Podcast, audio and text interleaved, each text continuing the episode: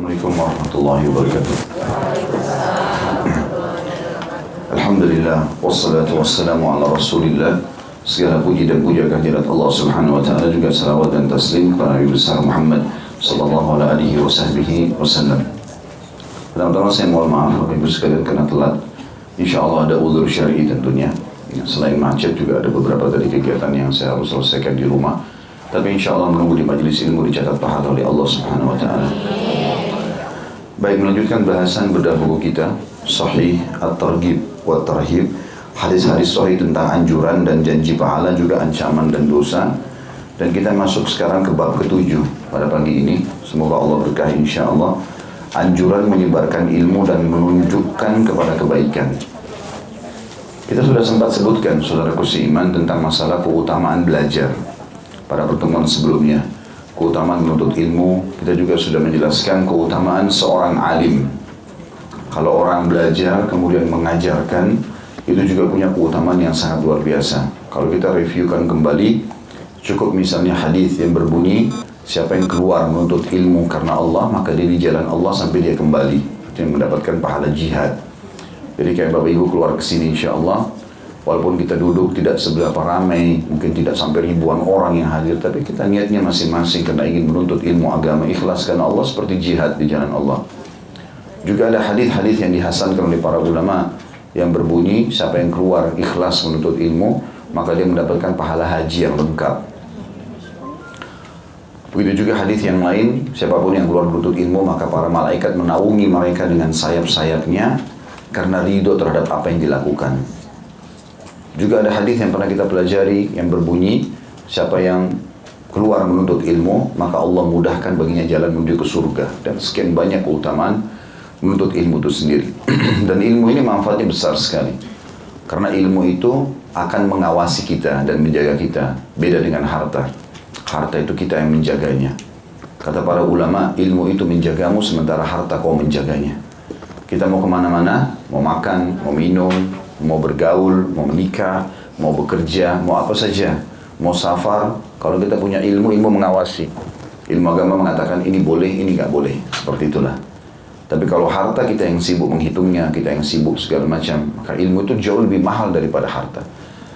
Bahkan sudah sering saya ulangi kalimat ini, saya ingatkan lagi kembali, kata para ulama, menuntut ilmu agama itu lebih dibutuhkan bagi seorang muslim daripada air pada saat dia dahaga daripada makanan pada saat dia lapar, daripada tempat tidur pada saat dia capek.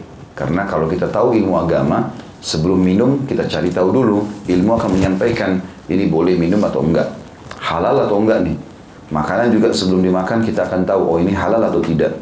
Tidur pun seperti itu dan semuanya aktivitas kita sehari-hari. Oleh karena itu menuntut ilmu adalah manfaatnya besar sekali. Kemudian juga sudah kita pelajari tentang manfaat menjadi seorang alim. Kalau terus saja Bapak Ibu belajar, nanti jadi faham. Dan memang dalam mempelajari ilmu agama itu harus ada pengulangan, harus ada hafalan. Itu satu rangkaian ya. Mendengar, kemudian memahami, kemudian menulis, menghafal, dan mengamalkan. Ini nggak bisa pisah. Kalau Bapak Ibu mau sampai pada tingkat seorang alim, harus masuk ini. Kita dengar, ya, belajar langsung. Ya. Baik kalau sekarang ada medsos juga bisa hadir begini juga masuk dalamnya. Ya, kita mendengar, kita memahami, kemudian menulis, menghafal, dan juga masuk dalamnya mengamalkan. Kalau ini terjadi lima hal pada hidup Bapak Ibu sekalian, sederhana. Mulai misalnya hadis ini kita belajar pada pagi ini lima hadis. Lima hadis ini seperti sekarang sudah didengarkan. Fahami, sudah dapat dua poin. Ada kesempatan tertulis sudah tertulis dalam buku kita. Ada tambahan tinggal ditambah saja coret-coret kisah ini misalnya ada dikuatkan dengan hadis ini kan gitu. Kadang-kadang saya sebutkan ada kisah terlintas dalam hadis ini misalnya ya.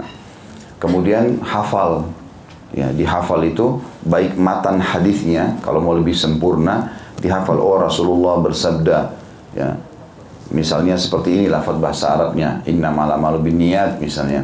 Terus terjemahannya ini Bapak Ibu juga bisa ajarkan kepada anak-anak ya anak-anak di rumah diajarkan maka bisa diwarisi hafalan tersebut kemudian juga mengamalkan isinya nah, kalau ini ada insya Allah akan sampai pada tingkat kalau kita terus belajar dengan lima poin ini kita akan sampai pada level seorang alim. Dan kata Nabi SAW, orang yang mengajarkan kebaikan pada orang lain, maka Allah yang ada di langit mengampuni dosa-dosanya, dan Allah memerintahkan seluruh malaikat dan makhluk yang ada di langit untuk beristighfar kepadanya, juga seluruh yang ada di bumi sampai semut yang di lubangnya dan ikan-ikan yang ada di lautan juga memohon ampun untuk dia.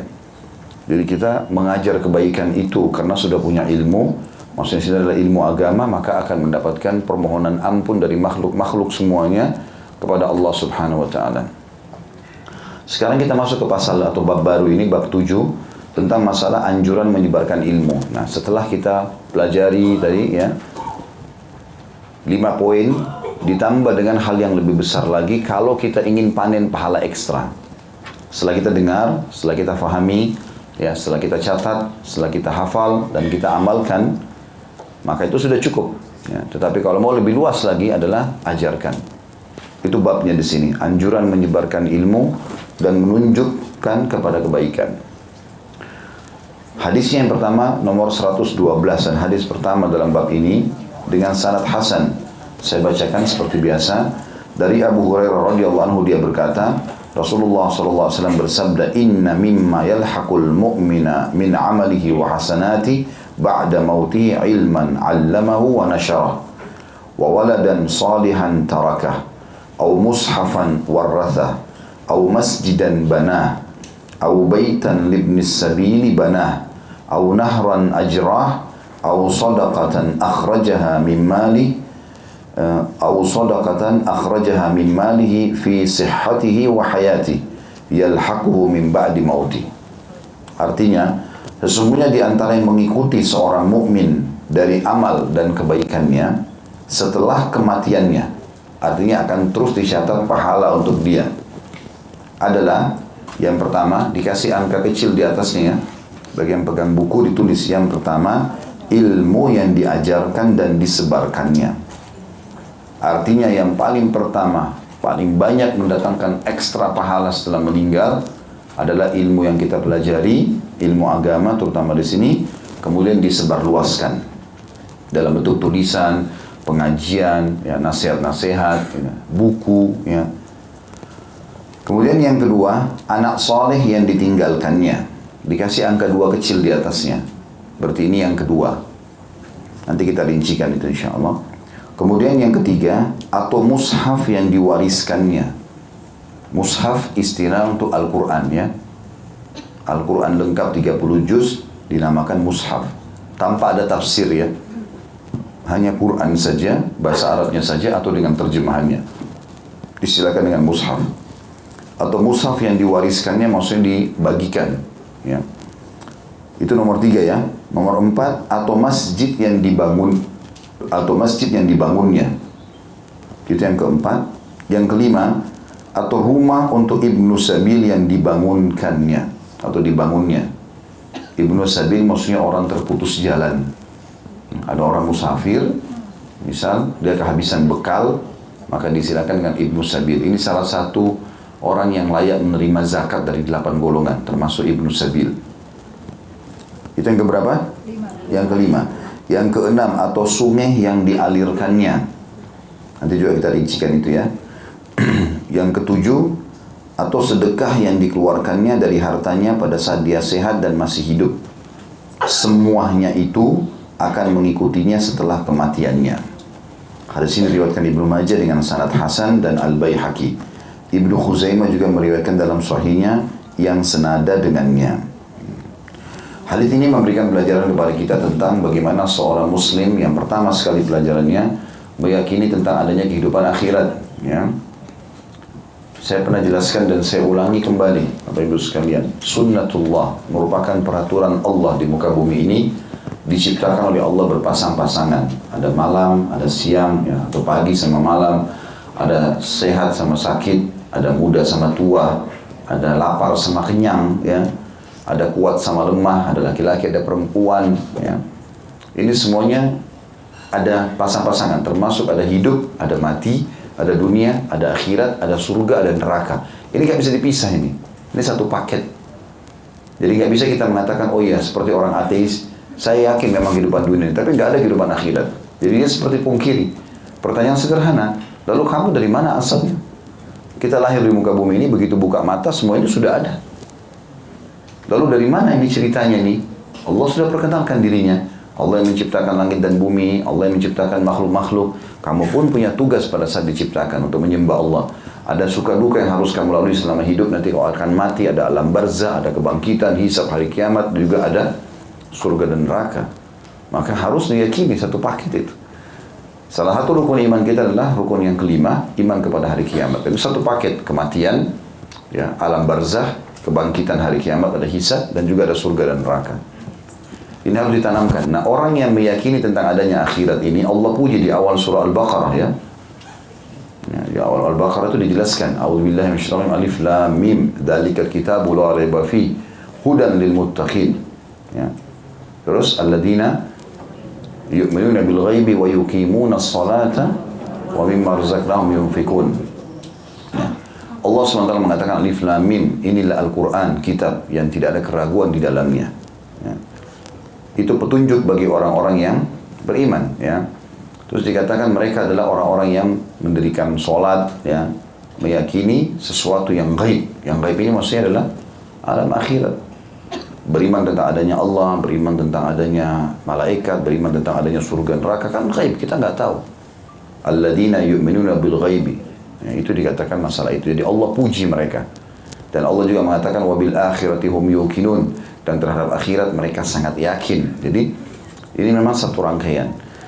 Nah kalau ini sudah muncul dalam hati kita teman-teman sekalian, kita yakin masalah itu, maka urusan dunia jadi kecil. Karena setiap kali kita punya masalah sama orang misalnya, kapan kita tuntut utang yang dia tidak mau bayar, kapan kita dia buat salah, dia gibah, dia fitnah, dia tidak mau minta maaf, seorang yang beriman pada akhirat tersenyum. Oh orang ini sedang akan mempersiapkan pahala buat saya hari kiamat. Kita tahu ada timbangan amal, gitu kan? Makanya uh, Abdullah bin Mubarak rahimahullah, seingat saya ini atau dia Hasan Basri, kisah salah satu dua tabi'in ini. Beliau pernah digibah oleh seseorang, diceritain aibnya gitu kan, begini dan begitu. Karena kan gibah itu sesuatu yang ada pada seseorang, tapi dia nggak suka diceritain. Kebetulan ada uh, dia baru beli kurma sama tangkainya. Maka kurma itu masih segar-segar. Waktu orang muridnya sampaikan, si Fulan bicarakan tentang anda. Terus dia bilang, dia bungkus kembali, dia bilang bawa ini ke sana. Titik pesan saya ya, bilang, karena kamu sudah berbagi pahala buat saya, yang saya panen hari kiamat, saya balas kamu dengan setangkai kurma ini. Jadi dia sebenarnya mengenasihatin orang itu. Sekaligus dia ingatkan, kamu sekarang ceritain saya hari kiamat kamu siapin pahala loh. Orang yang yakin tentang hari kiamat, dia tahu dia tidak akan pernah masuk ke surga ataupun orang masuk ke neraka kecuali sudah mengambil haknya. Nah, itu tidak mungkin, ya tidak mungkin tidak terjadi gitu ya. Karena memang kata Nabi SAW, apakah kalian tahu siapa orang yang bangkrut? Kata para sahabat, orang yang hilang dirham dan dinernya ya Rasulullah, bisnis bangkrut. Kata Nabi, bukan orang yang datang hari kiamat bawa pak lengkap pahala sholat, pahala zakat, pahala haji, tapi dia pernah mencaci maki orang ini, pernah pukul orang itu, pernah mengambil haknya orang ini, dan mereka menuntut semua di hari kiamat. Ya, maka kalau diambillah, diambillah pahala-pahala dibagi-bagi. Kemudian kalau habis pahalanya, maka ditimpahkanlah dosa-dosa mereka yang masih menuntut kepada dia. Maka habis semua pahalanya yang untuk masuk dalam surga, juga dia dia dihukum dengan zinanya orang, dengan ribanya orang, dengan dustanya orang, gara-gara dia cuma merusak hubungan dengan manusia. Orang kalau beriman tentang akhirat, hidupnya akan tenang. Kalau dia sekarang menderita di dunia karena miskin, karena penyakit, apalah dia tahu ini hanya di dunia, akhirat sudah nggak ada. Orang kena penyakit kronis seberat apa pun, itu pada saat meninggal selesai, nggak ada lagi. Bahkan sebagian medis pernah mengadakan penelitian, orang yang kena penyakit kronis, begitu dia mati, dicek lagi di badannya, nggak ada lagi penyakit itu. Sudah hilang bersama dia, dia mati sudah selesai jasadnya sudah nggak ada. Udah, udah jadi jasad yang memang dia membusuk dengan sendirinya. Ada penyakit atau tidak ada penyakit gitu.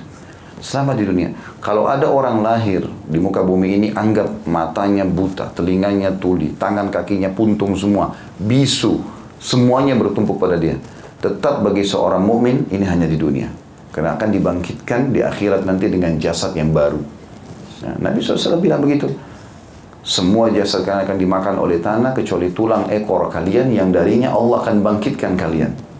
Nanti hari kiamat Allah turunkan hujan menimpa tulang-tulang ekor kita dan kita tumbuh. Kata Nabi SAW, karena akan tumbuh seperti tumbuhnya sayur-sayuran. Dan poster tubuhnya sudah seperti Adam alaihissalam, 60 siku ke langit. Sekitar 27 atau 30 meter tingginya. Jadi jasad yang baru Allah kasih. Ruhnya tetap, tapi jasadnya Allah beri yang baru. Jadi cuma sebentar.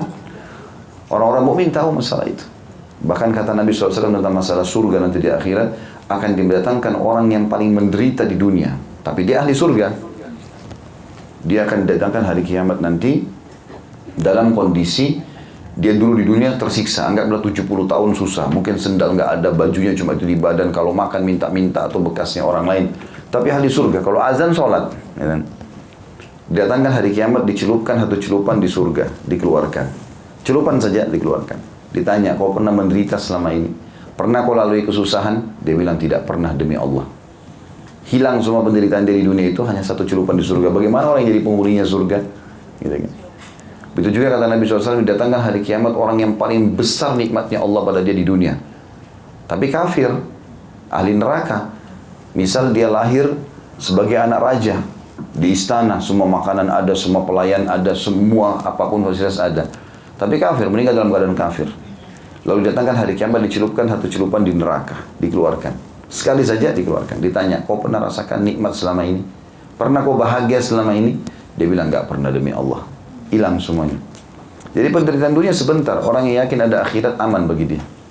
Selalu saja dia berpikir, oh kan ada akhirat. Kan ada akhirat, selesai. Dan orang juga kalau berbuat sesuatu karena akhirat, dia tidak akan pamrih. Kita bantu orang, sedekah sama orang, kita tahu kalau ini sebenarnya buat saya masalahnya. Bapak Ibu kalau sedekah dengan orang, sebenarnya bukan dia yang dapat manfaat, kita yang dapat manfaat. Makanya Abdullah bin Barak rahimahullah pada saat beliau punya harta banyak, lalu dikumpul-kumpulin disedekahin sama orang. Begitu mereka semua pergi, murid-muridnya ada di situ kebetulan duduk. Dia mengatakan sambil senyum, orang-orang ini membawa sedekah itu, amal-amal itu, ketimbangan amalku tanpa diupah sedikit pun. Secara zahir kita kalau kasih duit ke orang, dia beli makanan, dia beli baju, dia beli kendaraan secara wahid sementara. Tapi nilainya itu tidak hilang di sisi Allah. Orang yang beriman tentang hari-hari kiamat tahu masalah itu. Kalau dia tetap akan panen dalam bentuk pahala di hari kiamat nanti.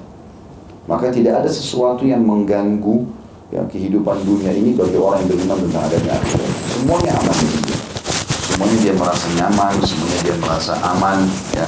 Karena akhirat, beriman tentang akhirat ini sesuatu yang sangat luar biasa. Dan Allah memang menyebutkan, mempartnerkan antara dunia sama akhirat dalam firman-Nya banyak. Tapi Allah menyebutkan kalau akhirat lebih baik. A'udzu billahi minasyaitonir rajim walal akhiratu khairun laka minal ula. Allah bilang setelah Nabi Muhammad SAW dirobatkan jadi nabi, punya keluarga, ada istri-istrinya, ada anak-anaknya, ada sahabat-sahabatnya, ada pasukannya, yang terkenal jadi nabi penutup segala macam. Allah sudah memberikan nikmat yang besar kepada Nabi Muhammad SAW kerajaan, kenabian, ya keturunan, pasangan, sahabat-sahabat, nama yang harum, ilmu yang luas, pasukan yang menang. Kata Nabi SAW, walal akhiratu khairun laka minal ula. Ketahuilah hai Muhammad, tetap akhirat lebih baik daripada dunia ini. Gitu loh. Itu juga Allah mengatakan dalam ayat lain, walal akhiratu khairun wa abqa. Ketahuilah bahwasanya akhirat itu hai Muhammad dua sifatnya. Khair, lebih baik, dan abqa lebih kekal. Gitu. Ini harus ditanamkan ini. Poin ini kenapa saya datangkan contoh ini atau gambaran ini teman-teman. Karena kita sedang membahas amal apa yang bisa menambah tambahan amal kita untuk akhirat nanti. Orang kalau tidak paham tentang ada kehidupan akhirat atau dia masih ragu, dia nggak akan terfikir untuk mengamalkan apa yang akan dijelaskan sebentar lagi. Semua ini hanya akan mau menjadi motivator yang besar bagi orang yang tahu di sana ada kehidupan. Ya, jadi ibaratnya kata sebagian ulama, orang yang tahu ada akhirat seperti orang yang punya dua rumah. Yang satu rumah kecil dan berantakan, yang satu rumah mewah dia sudah beli lagi dibangun. Dia sekarang lagi sementara masukkan furniturnya, dia lagi tata rumah itu ya. Pada saat rumah itu sudah siap untuk dihuni, orang yang cerdas tidak akan tinggal di rumah lama. Dia akan pindah ke rumah barunya. Bahkan dia bersyukur bagaimana dia bisa pindah ke rumah besar. Dulunya rumahnya rusak. Itu dunia dan akhirat. Dunia ini penderitaan semua. Hasan Basri ditanya, bagaimana pendapat anda tentang dunia dan akhirat? Kata beliau, ya ini Hasan Basri seorang tabiin, ya Dikenal juga dengan anak susu Nabi SAW. Sebenarnya tidak pernah disusui oleh oleh istri-istri Nabi ya. Tetapi dia ibunya Hasan Basri ini itu sahayanya Ummu Salamah radhiyallahu anha istri Nabi. Nah kalau Ummu Salamah lagi nyuruh nyuruh ibunya Hasan Basri ini pergi ke beli hajat di pasar misalnya, maka biasanya kalau lagi nangis sama Ummu Salamah dikasih putingnya gitu. Walaupun Ummu Salamah sudah tua nggak ada susunya, tapi karena ditenangkan dengan cara itu maka dapat julukan anak susu Nabi gitu kan. Ulama besar dan Basri artinya kota Basrah di Irak. Beliau ulama besarnya Irak gitu. Hasan Basri ini punya banyak sekali ya, nasihat-nasihat di antaranya waktu ditanya bagaimana menurut anda tentang dunia dan akhirat? Ya wasiat apa nih supaya kami faham tentang kedudukan dua tempat ini? Kata beliau apa yang kau tanyakan? Kau tanyakan sesuatu yang sulit untuk dibandingkan. Dunia itu dimulai dengan tangisan bayi lahir nangis. Lalu berjalan kehidupan dengan suka duka. Ada sakit, ada lapar, ada capek, ada gangguan orang. Semua orang lalui itu. Kemudian pada saat mati ditangisi. Sementara yang kau tanya masalah akhirat akan dimulai akhirat itu dengan kegembiraan dan akan abadi kegembiraan tersebut selamanya. Karena kalau orang beriman mati, kita beri, mati teman-teman sekalian, tidak akan pernah berharap kembali ke dunia kita baru tahu dunia. Oh, ternyata dunia itu cuma begitu ya. Karena di akhirat ini luar biasa. Luar biasa susah digambarkan kalau orang tidak mempelajari dalil-dalil Al-Qur'an dan Sunnah. Bagaimana surga itu seluas langit dan bumi. Istananya seorang mukmin yang paling kecil di surga jarak antara tanah ke tanah sebelahnya itu 40 tahun. Ya. Kemudian yang paling rendah di surga orang memiliki yang paling rendah derajatnya punya 10 ribu pelayan.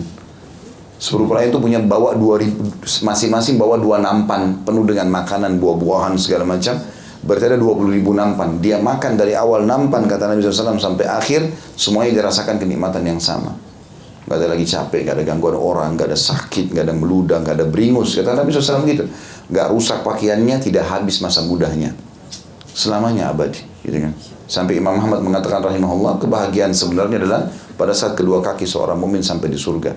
Hanya keyakinan, tidak mungkin kita pungkiri itu, sebagaimana saya jelaskan tadi. Nah, untuk supaya di akhirat nanti kita punya derajat-derajat yang tinggi, karena di surga pun ada level-levelnya, tergantung kadar amal yang Bapak Ibu kerjakan. Islam menyiapkan buat kita fasilitas, walaupun kita sudah mati, gak bisa beramal lagi, bisa tambah derajatmu di surga. Dan itu tidak mungkin dari dunia. Misalnya, ada orang kerja di perusahaan. Selama dia hidup, dia bisa kejar prestasi. Kalau sudah meninggal, ya sudah, selesai. Gak ada ceritanya nanti tiba-tiba jabatannya dinaikkan sementara dia mati. Gak mungkin. Tapi di akhirat berbeda. Orang mati masih bisa dapatkan. Dia di kuburan dia nggak buat bisa. Dengan tujuh hal tadi yang kita sebutkan itu. Tujuh ya? ya. Baik disebutkan yang paling pertama, keutamaan yang sedang kita lakukan insya Allah sekarang yaitu menuntut ilmu dan menyebarluaskan. Ini banyak contoh-contoh menyebarluaskan ilmu ya. Jadi misalnya tidak usah terlalu banyak dulu. Apa yang Bapak Ibu pelajari saja, misal kita belajar hadis ini, hari ini. Apa susahnya ini teman-teman di foto di handphone di share ke orang lain? Apa yang susah? Zaman sekarang ini luar biasa loh.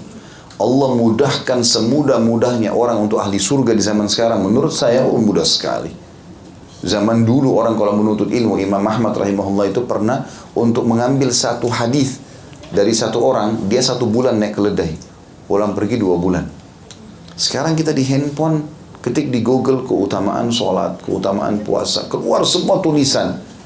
Sekian ribu hadis. Ini buku bisa kita buka. Satu kitab ini berapa banyak hadis? Ini sudah seratus lebih kita pelajari. Berapa banyak yang bisa kita pelajari? Zaman dulu susah. Dan memang fasilitas kita di zaman sekarang ini jangan disia-siakan. Zaman dulu orang mau pergi haji dan umroh, itu naik unta. Panas. Di tengah jalan bisa diserang binatang buas, bisa diserang oleh penjahat. Sekarang pesawat, AC, enak ada bisnis kelas lagi. Hah? tinggal mau atau enggak. Tambah lagi makin besar dikeluarkan makin balas oleh Allah. Berangkat ke bisnis kelas cari hotel bintang 5 nanti Allah ganti sesuai dengan itu.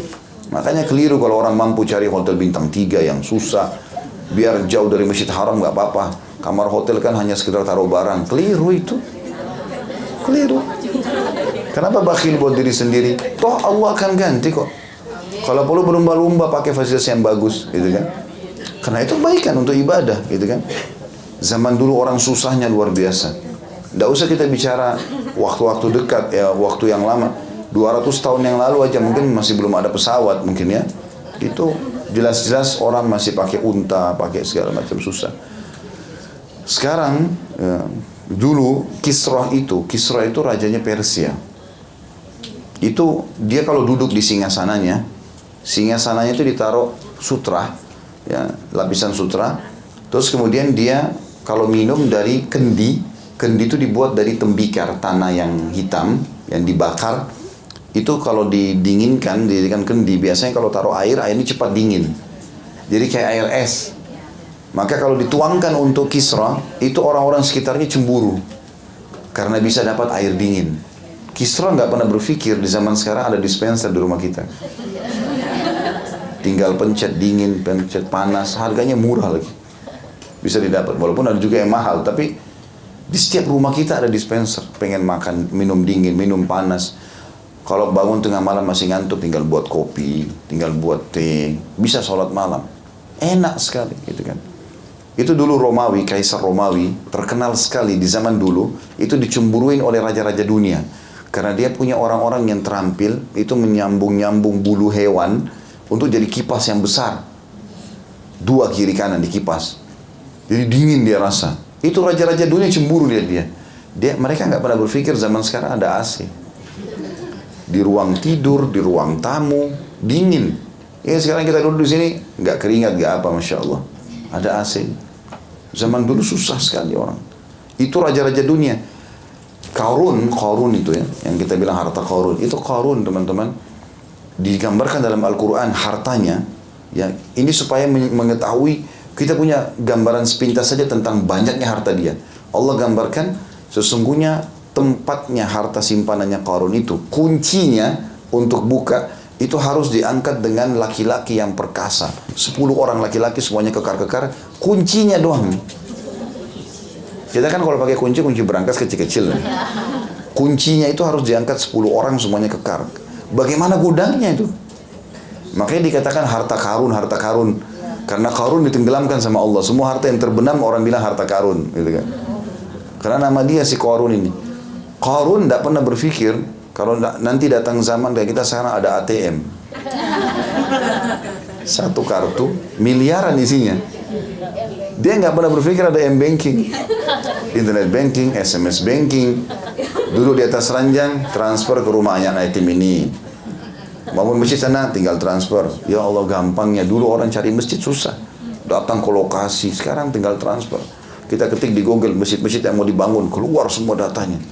Apa saja kita mau buat bisa sekarang. Kalau mau jadi ahli surga sekarang ini luar biasa. Entah 10 tahun, 20 tahun ke depan apa yang Allah kasih kita nggak tahu. Tapi zaman sekarang saya lihat luar biasa. Begitu juga mudahnya orang masuk neraka. Dari handphone. Tonton yang sembarangan, sebarin gosip, nah udah. Masuk neraka juga gitu kan. Atau dia apalah beli sesuatu benda yang haram, maka itu juga sama. Tapi ini jangan disia-siakan. Ya. Kita kembali kepada bahasan kita. Ilmu sangat mudah. Di Google semuanya bisa didapatkan apa pun. Jadi kan bahkan banyak orang mengangkat PDF-PDF buku, ya. Ringkasan buku kita bisa baca di handphone kita. Sekian banyak buku bisa dibaca, misal. Buku-buku pun sekarang tersebar banyak. Di zaman sekarang menurut ilmu banyak dai-dai, banyak ceramah, banyak segala macam. Bisa mudah, Quran terjemahan banyak. Maka tidak ada yang sulit untuk itu. Nah, ilmu ini kita ambil terapkan dalam kehidupan kita oh ini hadis tentang ini ya kita kirimin ke teman-teman sekarang di WA ada grup banyak 100 orang bisa kita kirim belum lagi dari 100 orang kirim lagi ke sekian ratus orang berapa banyak ilmu yang kita dapatkan yang penting pastikan ilmu yang benar ya. Makanya kita belajar buku ini judulnya Sahih At-Targhib wa Tarhib. Jadi buku ini sebenarnya banyak sekali hadisnya. Tetapi tadi ditelusuri oleh ya, di sini disebutkan ya oleh Syekh Albani rahimahullah. Beliau telusuri kalau ada hadis yang lemah dikeluarkan sama beliau. Sehingga buku ini sudah disortir. Yang ada semua cuma hadis sahih nggak ada keraguan. Tinggal foto kirim ke orang. Nggak ada lagi hadis lemah nggak ada lagi hadis palsu nggak ada lagi maka sangat mudah gitu itu sebabnya waktu pertama kita buka majelis saya minta buku ini dibedah untuk itu supaya lebih mudah kita sebarluaskan ya jadi nasihati ke orang tapi ingat ya Allah subhanahu wa ta'ala menyuruh kita pada saat menyebarkan kepada orang, kita sudah amalkan itu. Amalkan. Ya. Jadi misalnya kita bicara masalah sedekah, kita sedekah dulu. Hmm. Jangan sebar ke grup sedekah sedekah dia sendiri bakhil. Hmm. Dia sendiri nggak pernah sedekah. Saya pernah sampaikan Imam Malik rahimahullah ditanya tentang hukum bebasin budak dua bulan gak dijawab sama dia. Padahal Imam Malik luar biasa Imam Madhab, gurunya Imam Syafi'i. Setelah dua bulan baru dia tanya, mana yang tanya saya dua bulan lalu tentang pembebasan budak? Muridnya angkat tangan, saya Imam. Ya Imam itu kayak kita kiai itu guru, saya. Kata Imam Malik keutamaannya begini dan begitu. Ini loh, dapat ini, dapat ini, dapat ini. Setelah itu dia jelaskan semua, muridnya bilang, kenapa anda baru jawab? Dua bulan. Kata dia, karena dua bulan saya kumpulin duit untuk bebasin budak dulu. Baru saya ajarin kamu. Gitu. Artinya dia praktekin ilmu itu. Walaupun kita praktekin sekali seumur hidup. Ada juga ibadah yang rutin kan, kayak sholat lima waktu memang harus kita jaga terus. Ada ibadah yang kalau kita kerjakan sekali seumur hidup pun tidak ada masalah. Gitu kan. Yang penting kita sudah kerjakan amal-amal itu. Kita dimaksud di sini. Maka ilmu ini penting untuk dipelajari dan di situ dikatakan wana syarah dan dia menyebarluaskan sebarluaskan ilmu itu. Kalau Bapak Ibu tidak bisa uh, nulis buku, buku sudah banyak ya. Buku sudah banyak. Hampir di setiap pengajian saya, saya minta teman-teman tim menyiapkan beberapa buku-buku itu sebenarnya targetnya bukan masalah penjualannya tapi memperkenalkan judul-judul buku itu kepada jemaah oh ini loh bukunya ya oh ternyata judulnya ini harganya sekian sebarluasin karena bukunya murah-murah, 10 ribu, 15 ribu gitu kan. Yang punya rezeki, Bapak Ibu sekalian, beli buku itu 100 biji. Buku-buku kecil yang bisa dikantongin, bagi-bagi ke keluarga. Silaturahim ke rumah keluarga, taruh ini ya saya kasih. Biar pembantunya yang baca nggak apa-apa. Lagi masuk ke pasar, ketemu orang, kenalan, mungkin ibu-ibu biasa belanja, ini loh kasih. Kita mungkin belum pernah praktikin itu ya, tapi subhanallah saya ambil pelajaran dari teman saya uh, teman dekat dari Mekah beliau namanya Ali sebenarnya dipanggil-panggil Syekh Ali karena beliau Syekh Ali Ar-Rimi ya beliau seorang dosen ngajar di Umul Qura waktu itu yang jelas saya pernah ketemu dan berteman sama beliau beberapa tahun, 4 tahun waktu itu di Makassar. Dia cerita sama saya. Dia bilang, saya sama istri saya kalau masuk ke mall di Makassar ini, selalu saya titip buku di tas istri saya. Dia bilang, buku kecil-kecil saja. Bahasa Indonesia gitu kan. Kalau lagi belanja, ada perempuan tidak pakai hijab, dia bilang sama istrinya, coba tanya, muslimah bukan? Muslimah. Tawarin buku, kasih buku. Jadi tiap hari itu keluar ke mana-mana pasti bawa buku. Kasih bagi kini. Siapa tahu dari 100 buku, dua orang aja dia dapat hidayah. Nggak apa-apa. Nah, makanya bisa kita sebarin, jadikan program bulanan itu. Sebarin buku-buku. Buku-buku kecil-kecil itu manfaatnya besar sekali. Orang tidak jenuh, karena buku besar begini kan harusnya dibedah ya kalau kita langsung kasih buku begini orang yang tidak pernah ikut pengajian, dia bingung juga nanti. Hmm. Tapi kalau buku-buku kecil, oh judulnya misalnya keutamaan apa ya, kan banyak tuh, cuma sepuluh ribu. Itu dulu kita bagi, gitu kan. Itu sangat besar manfaatnya. Maka ini masuk dalam menyebar luaskan ilmu itu. Jadi selain bisa disebarkan dari handphone, bisa disebarkan dari medsos, juga bisa disebarkan dengan cara membeli buku dan dibagi-bagikan, gitu kan. Baik kita pindah yang kedua, dikatakan wawala dan salihan tarakah atau anak soleh yang dia tinggalkan. Ya. Maksudnya selama hidupnya dia mengkader anaknya menjadi anak yang baik. Ini pernah saya singgung itu ya. Jadi pesantren itu adalah tempat pendidikan nomor satu, bukan pilihan, bukan tempat untuk menakut-nakuti anak. Ya. Kamu kalau nakal, ibu masukkan pesantren. Bagi anak itu pesantren ini menakutkan benar nih. Ya. Ayah masukkan kau pesantren, ya. Jadi akhirnya anak ini pikir pesantren ini mau mau apa nih penjara nih. Padahal pesantren itu saya pernah di pesantren. Di pesantren itu kalau azan disuruh ke masjid, ya.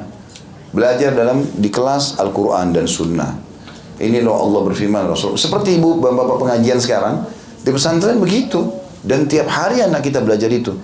Bagaimana caranya kita anggap pesantren itu sesuatu yang ketinggalan, sesuatu yang tidak layak buat anak kita? Nanti kalau tidak terima di negeri baru masuk pesantren. Enggak, pesantren duluan yang didaftar. Kalau enggak lulus di pesantren, baru yang lainnya.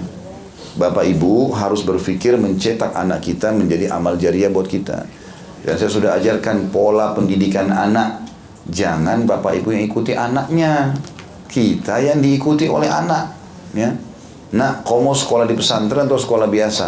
Ya nggak mau lah dia pilih sekolah biasa. Kecuali memang dasarnya pesantren itu kita tidak pernah buat informasi berita buruk tentang pesantren. Mungkin dia masih berpikir. Tapi kalau teman-temannya cerita itu kan jadi masalah. Anak saya masih kecil, ya masih eh, masih TK, pulang tiba-tiba ke rumah bicara sama istri saya, Umi, namanya Uwes, Uwes nggak mau masuk masuk pesantren, masih TK. Loh kok bisa? Saya sudah bilang sama dia sebenarnya nanti nak ya kalau besar masuk pesantren gini. Gak mau pesantren. Kenapa? Temanku bilang katanya pesantren itu tidak enak. Pesantren itu makannya nggak enak, ininya nggak enak. Gitu. Padahal sebenarnya banyak pesantren yang bagus, banyak yang kualitasnya bagus gitu kan. Dan tidak usah perhitungan dengan anak-anak demi pendidikan mereka. Kata para ulama tidak akan pernah bisa ketemu antara kehidupan, kebahagiaan kehidupan, baik itu dalam persahabatan, dalam rumah tangga, dalam menjadi orang pintar, punya kedudukan dengan bakhil, nggak bisa ketemu. Perhitungan ini nggak bisa ketemu. Dalam Islam tidak ada itu. Dalam kamus kita hapus semuanya itu, perhitungan nggak ada. Kecuali kita memang dalam keadaan tidak mampu. Tapi yang jelas royal dalam kehidupan kita ini penting dalam Islam. Tapi tidak mubazir. Tidak ada orang yang bisa loyal bersahabat kalau dia bakhil, nggak mungkin. Ya. Kata Abu Hurairah anhu dan juga Abdullah bin Mas'ud dua orang sahabat ini pernah kedatangan satu orang lalu mengatakan saya ingin menjadi sahabat anda. Ini sahabat Nabi Abdullah bin Mas'ud sahabat Nabi Abu Hurairah sahabat Nabi. Orang-orang mau berteman kemudian tahu nih orang soleh berilmu. Maka kata Abdullah bin Mas'ud radhiyallahu anhu, kau sudah tahu syaratnya belum? Dia bilang apa itu syaratnya? Kata Abdullah bin Mas'ud, kantongku kantongmu, kantongmu kantongku. Artinya kalau saya butuh saya pakai duitnya, kau butuh kau pakai duitku. Orang itu bilang saya belum mampu. Kata beliau maksud cari orang lain kalau gitu. Tidak bisa, loyalitas dalam persahabatan harus. Bertanding, bersaing sahabat tersebut untuk saling mentraktir, memberikan hadiah, ya mendahului mendatangi rumah temannya. Memang begitu. Islam menyuruh itu, berlumba-lumba dalam kebaikan. Bukan malah bakhil, masuk restoran saling tunggu siapa duluan ke kasir. Bakhil. Tunggu temannya traktir. Sebentar-sebentar teman kantornya titip ya, titip. Mana duitnya? Titip beliin ini, titip beliin itu. Temannya datang, terima kasih ya. Terima kasih apa ini bakhil? Bayar. Orang datang beli barang. Kalau perlu, kamu mau ke mana? Saya mau ke supermarket. Tolong beliin saya susu susu ini misalnya atau minuman ini. Sekalian ya, buat kamu juga. Gitu loh. Itu baru dermawan. Ini titip-titip tapi nggak bayar. Hah? Bakhil gimana caranya? Gak mungkin. Loyalitas dalam sahabat tidak bisa ketemu. Dalam rumah tangga, suami istri ini perlu diperbaikin ya. Saya kadang-kadang heran kalau lihat ada suami istri punya utang piutang. Bagaimana bisa suami istri itu utang piutang? Saya bingung gitu. Kenapa harus utang? Istri tuntut suaminya, suami tuntut istri. Kita ini sudah satu badan suami istri. Kenapa ada utang piutang suami istri? Aneh bener. Gak boleh bakhil dengan pasangan. Pernah istrinya Abdullah bin Mas'ud radhiyallahu anhu ya. Istrinya itu orang kaya Abdullah bin Mas'ud orang miskin. Jadi istri lebih kaya daripada suaminya gitu. Dia mau keluarin uang mau sedekah. Lalu Abdullah bin dia tanya Abdullah bin Mas'ud Abdullah bin Mas'ud bilang untuk apa kau kasih orang lain? Kasih saya saja. Saya kan suamimu gitu kan. Dia bilang istri bilang saya tanya dulu Rasulullah SAW mana yang terbaik? Begitu tanya Nabi Nabi bilang iya kasih suamimu. Kasih suami sama dengan kasih ayah Kok aneh benar cari orang lain di depan mata ada sumber sumber pahala. Seorang suami, Nabi bilang, dirham yang kau keluarkan untuk jihad, dirham yang kau berikan untuk fakir miskin, dirham yang kau berikan untuk pembebasan budak, dirham yang kau berikan kepada istri anakmu jauh lebih besar pahalanya. Kenapa cari sumber lain? Depan mata ada. Dan bagaimana bisa ada utang piutang suami istri ini? Udah loyalitas sama pasangan itu pahalanya besar gitu loh. Maka ini harus segera dihapus dari kamus kita ini utang-utangan ini, gitu kan? Ada kemarin tanya begitu masuk ke saya pertanyaan, Ustadz bagaimana uh, hukumnya kalau saya menagih utang saya pada suami saya, utang nagih utang mana suami? Ada juga pertanyaan masuk, uh, rencananya suami istri mau bercerai, maka kita hitung-hitungan harta, kemudian bayar utang piutang. Saya nggak bicara cerainya, utang piutang dari mana suami istri? Kalau suami kita butuh, istri kita butuh, kasih lah. Sedekah paling besar pahalanya. Contoh, Loyalitas dalam rumah tangga nggak bisa ketemu dengan bakhil, mustahil. Berkorban pasangan akan merasa punya jasa. Oh ini orang punya jasa sama saya. Maka akan loyal dia otomatis. Itu juga dalam partner bisnis begitu dalam kehidupan begitu juga dalam segala hal. Ya. Termasuk dalam masalah uh, mendidikan anak di sini. Kita bisa bicara masalah anak. Bayar sekolahnya mahal. Ya begitu. Gak bisa ketemu antara anak kita pintar dengan bakhil. Mana bisa. Mau pintar tapi kasih sekolah ya asal jadi kalau perlu gratis. Hmm. Bayar. Walaupun dia masuk ke pada sekolah yang gratis, kasih sesuatu yang bisa dia berikan andil apa nih di sekolah itu, ya. Siapa di situ siswa yang miskin bisa dibiayai? Gak punya andil, itu kan mestinya. Karena tidak akan ketemu teman-teman sekalian. Untuk mendidik anak yang baik butuh pengorbanan, waktu, harta, semuanya perlu dibutuhkan. Maka ini penting untuk menjadi aset amal jariah kita. Dan ingat, yang mengatur kita bukan anak-anak. Ya, kalau kita bawa anak kita ke dua sekolah, berbeda warna, dia tujuh tahun mau masuk SD, bapak ibu tanya dia, sekolah yang mana kau mau nak? Kebetulan yang satu warna hijau, yang satu warna biru. Dia suka warna biru. Yang ini aja bu, ini aja ayah. Dia cuma suka karena temboknya warna biru. Dia nggak ngerti kurikulum, nggak ngerti guru, nggak ngerti biaya. Kenapa? Bapak yang 35 tahun, ibu 25 tahun, tanya anak yang 7 tahun. Ngerti apa dia? Ini salah ini. Bawa ke sekolah itu, nak ini sekolah ya. Ibu mau kau berprestasi, ayah mau kau belajar di sini. Selesai. Biasakan itu. Saya pernah bilang dalam pendidikan anak, saya terapkan itu alhamdulillah berhasil. Anak-anak nggak pernah saya nggak pernah saya kasih pilihan mau pakai baju apa. Beliin baju, kasih. Selesai. Mereka tahu pakai saja. Maka itu membuka pintu bakti sama orang tua. Dia kita lebih ngerti. Umur kita lebih tua dari dia yang mengerti baju mana yang cocok buat dia. Bukan dia yang pilih. Kan itu. Sama ibu-ibu saya pernah bilang ya untuk membuka pintu bakti sama orang tua dan jangan sampai durhaka anak-anak itu jangan biasa memberikan pilihan buat anak-anak. Kita yang pilihkan termasuk makanan.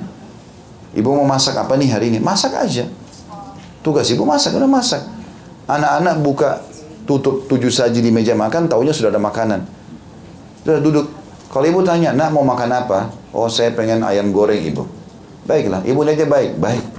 Besok ibu lupa masak ayam goreng. Anak akan tanya nggak? Begitu buka cuma ada tempe, ada daging. Kenapa nggak ada ayam goreng ibu? Oh ibu lupa. Ah ibu ini. Kalimat ah ibu ini durhaka itu. Kan Allah bilang dalam surah Isra kan? Wala takul lahuma uffin. Jangan ucapkan kalimat ah pada ibu ayahmu. Ya kita yang ajar anak kita itu. Sekarang biasakan saja. Makan yang ada.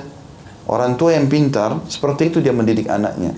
Sehingga anaknya terbiasa bergantung sama orang tuanya. Memang kita, Allah jadikan anak itu anak kita supaya bergantung sama kita emang. Pendidikannya, pola hidupnya, pola fikirnya semua dibentuk oleh orang tuanya. Sayangnya, banyak orang-orang yang fasik, yang jauh dari agama justru berhasil di poin ini pada anak-anaknya. Dia rusak nih, dia bukan maksiat. Anaknya ikuti dia. Berhasil dia. Dia suruh anaknya, kamu harus begini nak, kamu harus begini nak. Apalah, buka aurat lah, jadi inilah, jadi itulah, segala macam. Ya. Dan saya sayangkan sekali teman-teman sekalian kalau ada orang berpikir, kapan Allah kasih dia anak cantik, anak gagah, kayaknya nggak layak jadi orang soleh ini. Yang benar jadi artis saja. Sepertinya di pengajian tidak layak kalau ada orang cantik atau orang gagah. Kenapa kok begini itu? Sampai kalau jadi masuk pesantren, oh sayang anak ini, kenapa nggak jadi artis ya? Loh, kok aneh bener? Berarti orang orang kalau jadi soleh soleh itu harus jelek. Hah? Aneh nggak? Aneh. Jadi kesannya salah kalau orang ini gagah, orang cantik jadi alim, orang ustadz lah, ustazah, sayang loh, mestinya begini. Loh kok sayang itu loh? Anak saya kecil dipakai jilbab. Ada orang bilang sama istri saya, kesian masih kecil kenapa dipakai jilbab? Sayang, kan lucu gitu. Loh kok aneh benar kesannya kalau pakai jilbab itu susah, penyiksaan. Loh kok aneh? Padahal kita sedang mendidik anak kita terbiasa dengan itu kan. Supaya dia terbiasa dan tidak mengurangi kecantikannya. Kalau pakai jilbab sebenarnya bahkan lebih mulia, lebih baik, lebih terhormat dan segala macam. Maka harus hati-hati dalam masalah ini untuk mencetak anak menjadi anak yang saleh dan akhirnya menjadi kader kita pada saat kita meninggal dia mendoakan dia menziarahi kuburan kita dia bersedekah buat kita harus dari sekarang bapak ibu cetak untuk itu. Dan tidak ada kecuali dia faham agama. Kalau sudah faham agama dia akan buat itu buat orang tuanya. Dia akan bakti dia akan doakan dia akan sedekah gitu. mengkhayal kita sekolahkan anak kita di tempat umum lalu kemudian jadi amal jariah buat kita. Itu susah sekali jarang terjadi. Bahkan hidup di negara-negara orang non-muslim, kehidupannya nafsi-nafsi semua, gitu kan? Diri sendiri selamat selesai.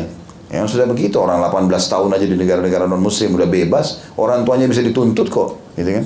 Udah bebas hammer, bebas, bebas seks bebas, segala macam bebas. Orang tuanya kalau larang bahkan bisa dituntut sama dia. Banyak anak-anak masuk pengadilan tuntut orang tuanya. Gara-gara orang tuanya larang, gitu kan? Itu itu yang kita mau banggakan. Terus kita tinggalkan pesantren, Sekolah-sekolah Islam yang jelas ngajarin Allah berfirman, Rasulullah bersabda, ingatkan masalah akhirat, itu aneh benar. Nah, maka ini yang kedua, yang bisa mendatangkan amal jariah buat kita. Anak yang sudah kita tinggalkan. Tapi di, diperhatikan sini ya, karena lafadznya wawala dan salihan. Dan anak yang saleh yang ditinggalkan. Jadi bukan sembarangan anak. Tidak ada istilah saleh kecuali anak yang belajar agama. Ya. Yang ketiga dikatakan au mushafan warratha atau mushaf yang diwariskannya. Ya, ini luas maknanya. Sebagian ulama mengatakan dia menulis mushaf sendiri. Ada orang memang menulis dengan tangannya. Ya. Banyak Al-Quran sekarang yang kita sudah dicetak, bahkan sudah pakai percetakan bagus itu awalnya ditulis dengan tangan oleh orang-orang. Nanti baru kemudian dimasukkan di komputer. Bahkan sekarang di komputer pun di aplikasi, di program segala macam, itu awalnya orang nyusun itu kan. Maka itu bisa menjadi mushaf yang diwariskan karena orang terus cetak akhirnya dapat pahala gitu lah. Ya, cukup banyak di Indonesia juga kalau salah ada orang yang menulis Al-Quran itu ya dengan tangannya sendiri. Ya, ada juga kemarin di India, ada di Saudi, ada macam-macam orang nulis subhanallah. Ini yang paling pertama. Jadi ini butuh waktu banyak ya. Tapi kita bisa mengikuti itu dengan cara menyebarluaskan Al-Quran itu. Yang sudah dicetak, yang sudah ditulis kita sebarluaskan. Jadi programkan misalnya setiap bulan saya keluarkan 10 Quran. Semampunya 50 Quran, 100 Quran. Quran itu yang sedang 50 ribu. Ya, yang mahal mungkin 100 ribuan gitu kan. Itu udah bagus. Bahkan sekarang saya masuk di toko buku, ada Quran khusus untuk wanita. Mungkin warnanya dikasih covernya pink lah, apalah pitanya warna-warni supaya memotivasi untuk baca gitu kan. Itu pun masih banyak yang malas baca. Tapi udah luar biasa gitu kan. Dan ayat-ayat tentang masalah wanita biasanya lebih di diterangin gitu loh masalah surah Nisa sampai itu lebih ditekankan di situ. Tafsirnya segala macam. Sudah bagus. Harganya lima puluh ribu tujuh puluh ribu nggak seberapa. Target berapa mampunya bapak ibu? Satu bulan sepuluh Quran misalnya. Sebarluaskan kan? Bagi-bagikan. Sebarkan ke pesantren. Banyak. Ndak kurang pesantren kita ini. Banyak. Kalau seluruh Indonesia sudah ribuan pesantren. Bisa kita sebarkan. Al-Quran tidak ada perselisihan pendapat dalam masalah itu. Semua orang baca Quran, Muslim. Kita beda kalau kita sebarin buku fikih, mungkin ada madhab tertentu. Tapi ini enggak, kalau Quran semua orang baca. Semua orang baca. Kita kasih siapa saja orang baca. Masuk dalam masjid. Dan Al-Quran juga itu, kalaupun kita masukkan ke masjid misalnya, karena sering dibaca orang, sering sudah sobek. Masjid Nabawi sama Masjid Haram Mekah itu, targetnya seminggu atau sepuluh hari udah diganti lagi. Selalu ganti itu. Makanya kita kalau pegang kan selalu garis kuningnya baru terus, gitu kan?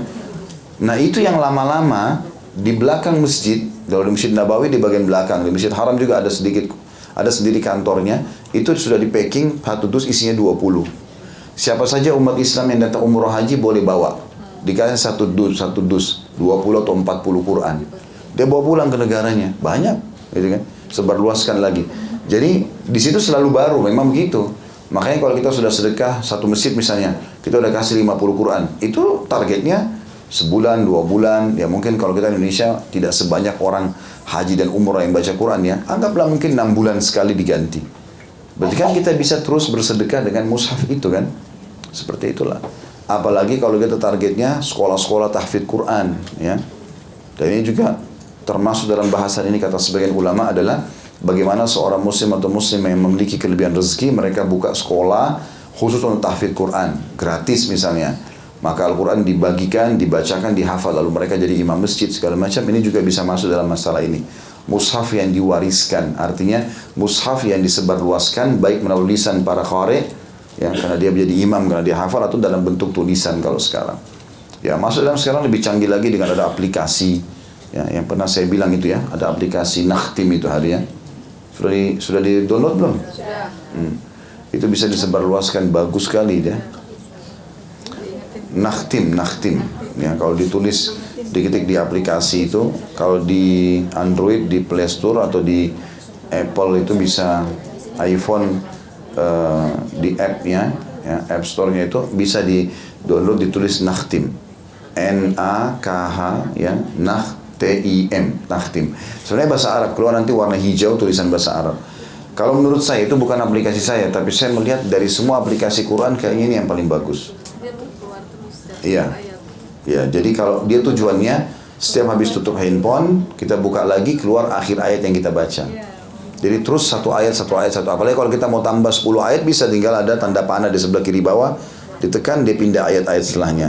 Kita mau kembali lagi bisa. Di situ juga di, di aplikasi itu ada kamera. Kalau kita tertarik misalnya dengan ayat tertentu mau disebarluaskan di grup tinggal klik fotonya terfoto bisa kita kirim langsung. Juga di atas sebelah kanan itu ada kayak uh, volume suara ya. Sebenarnya itu untuk mengeluarkan suara kare di ayat itu kalau kita mau belajar tajwidnya. Dan kita bisa pilih sekian banyak uh, kare-kare Quran itu sangat bagus. Nah itu juga termasuk aplikasi seperti ini disebarluaskan sangat bagus ya. Sehingga akhirnya orang-orang bisa pakai maslahatnya besar.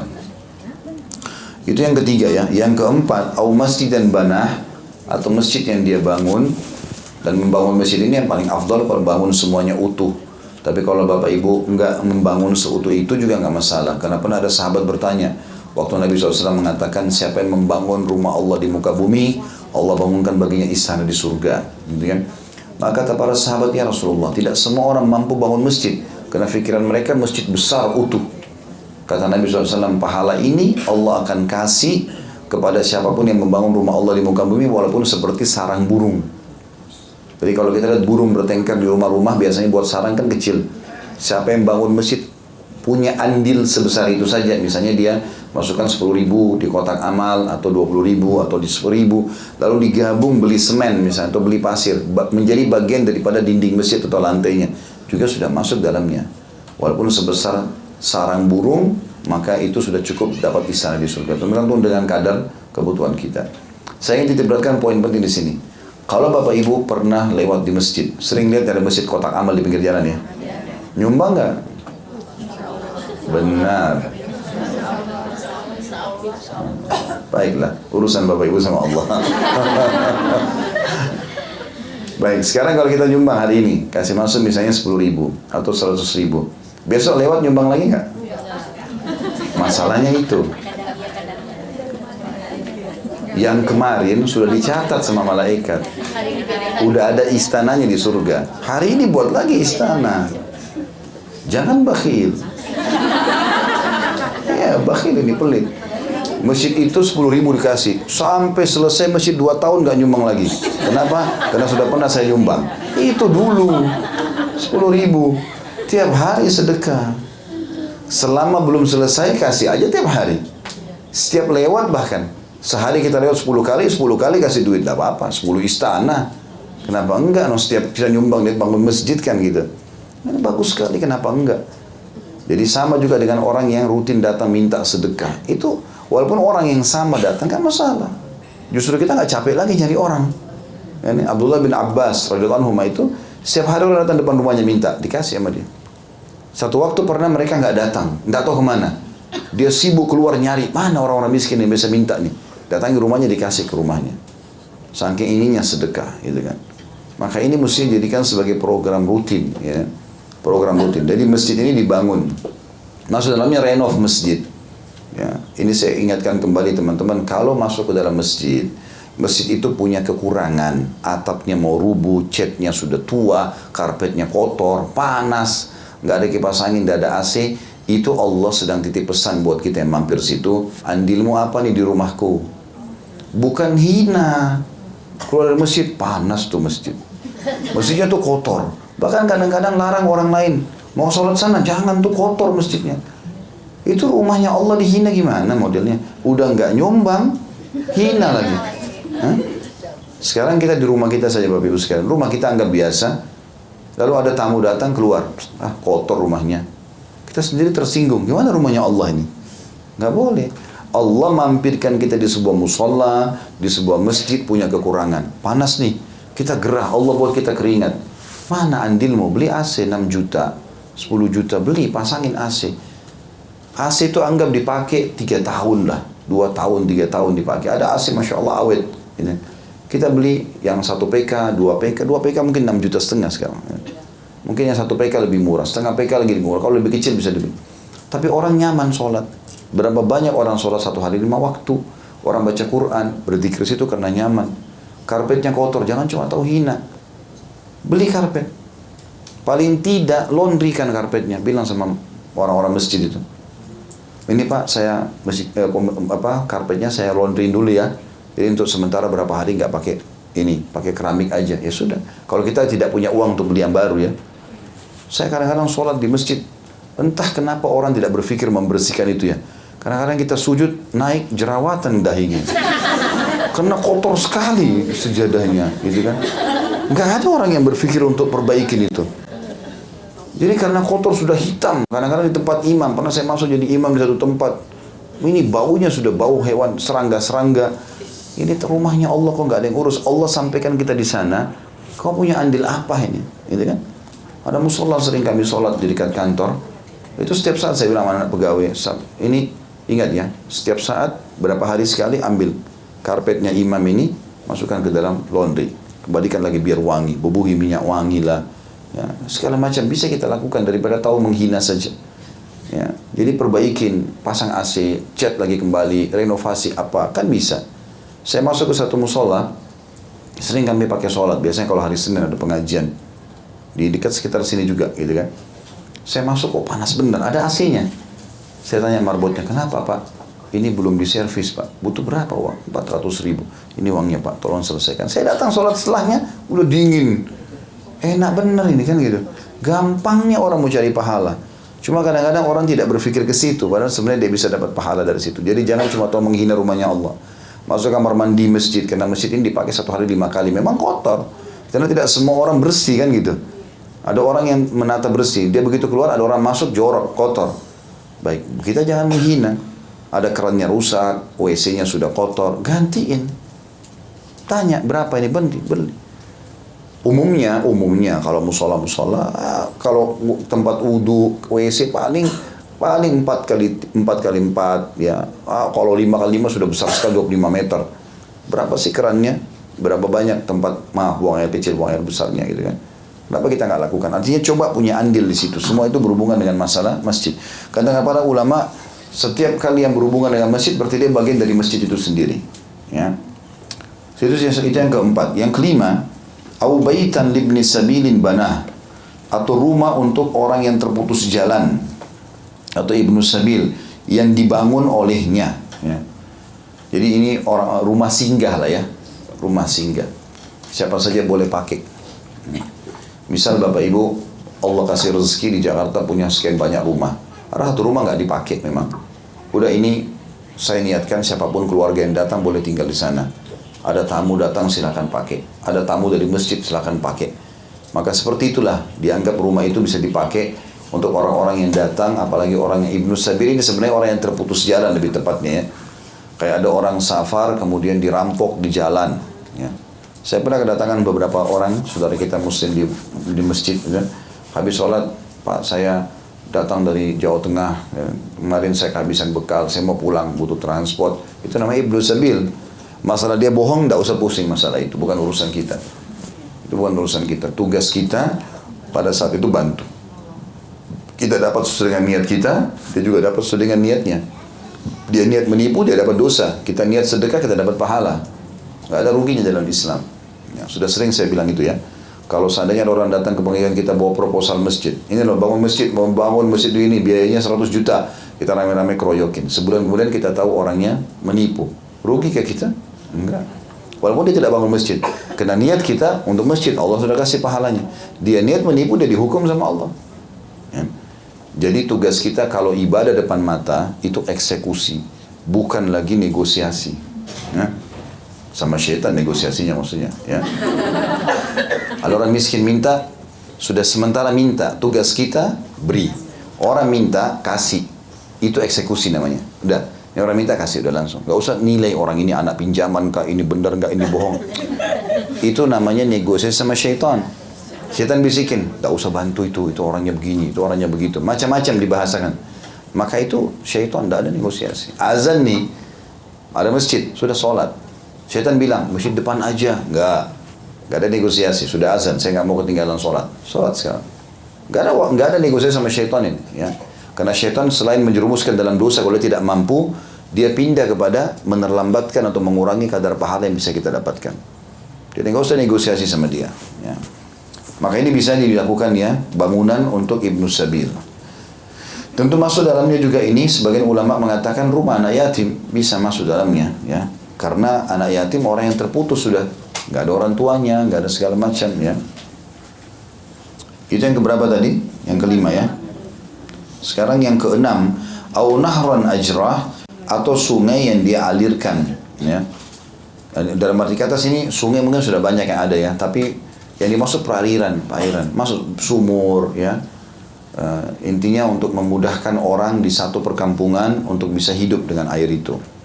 Ya, saya pernah, kalau tidak salah mengingatkan kisah itu, kami pernah dihubungi oleh sekretaris yayasan, ada kebetulan teman saya membantu di yayasan di Makassar, itu memang untuk menggali sumur-sumur di daerah-daerah. Dia pernah datang ke satu daerah cukup jauh di Sulawesi Tenggara, terus dia bilang, Ustaz saya di telepon, saya ada di perkampungan ini, ada 100 kakak muslim. Airnya itu di atas gunung, setiap hari masyarakat kampung ini untuk hidup itu harus naik ke gunung, mata air itu 3 km. Untuk naik ambil air, tidak ada air, tidak ada sumber air di situ. Tapi mereka juga sudah terbentuk masyarakat jadi mereka selalu begitu. Jadi semuanya termasuk mau sholat, mau mandi, mau masak, ambil air situ. Baik, bagaimana maunya akhi? Ustaz bagaimana kalau kita buatin pipa air dari atas mata air itu sampai ke masjidnya aja dulu. Ke masjid aja dulu. Kalau ke rumah masyarakat semua mungkin butuh waktu. Baik, saya bilang berapa biayanya? Wah, hitung-hitung 6 juta setengah. Baik, dipasanglah pipa itu dari mata air sampai ke masjidnya saja. Subhanallah 100 kakak hidup dari situ. 6 juta setengah berapa banyak pahala yang bisa kita dapatkan. Contoh saja, alirkan air buat orang. Kalau kita sekarang mungkin pengadaan air bersih, ada beberapa perkampungan teman-teman hidup dari air yang kotor sekali. Punya kemampuan, coba belikan mesin, panggil ahlinya ya ini perkampungan ini saya mau bersih airnya misalnya ya itu baik sekali begini teman-teman kita kalau lagi lihat sesuatu yang kurang dari orang jangan cuma tahu kita menyalahkan orang tapi bagaimana kita memberikan solusi ya. Jadi misalnya ada orang yang ugal-ugalan di jalan atau ada orang yang tidak menyervis mobilnya biasanya kan keluar asap hitam gitu kan. Orang cuma tahu mencaci maki klakson ribut. Apa andilmu sekarang?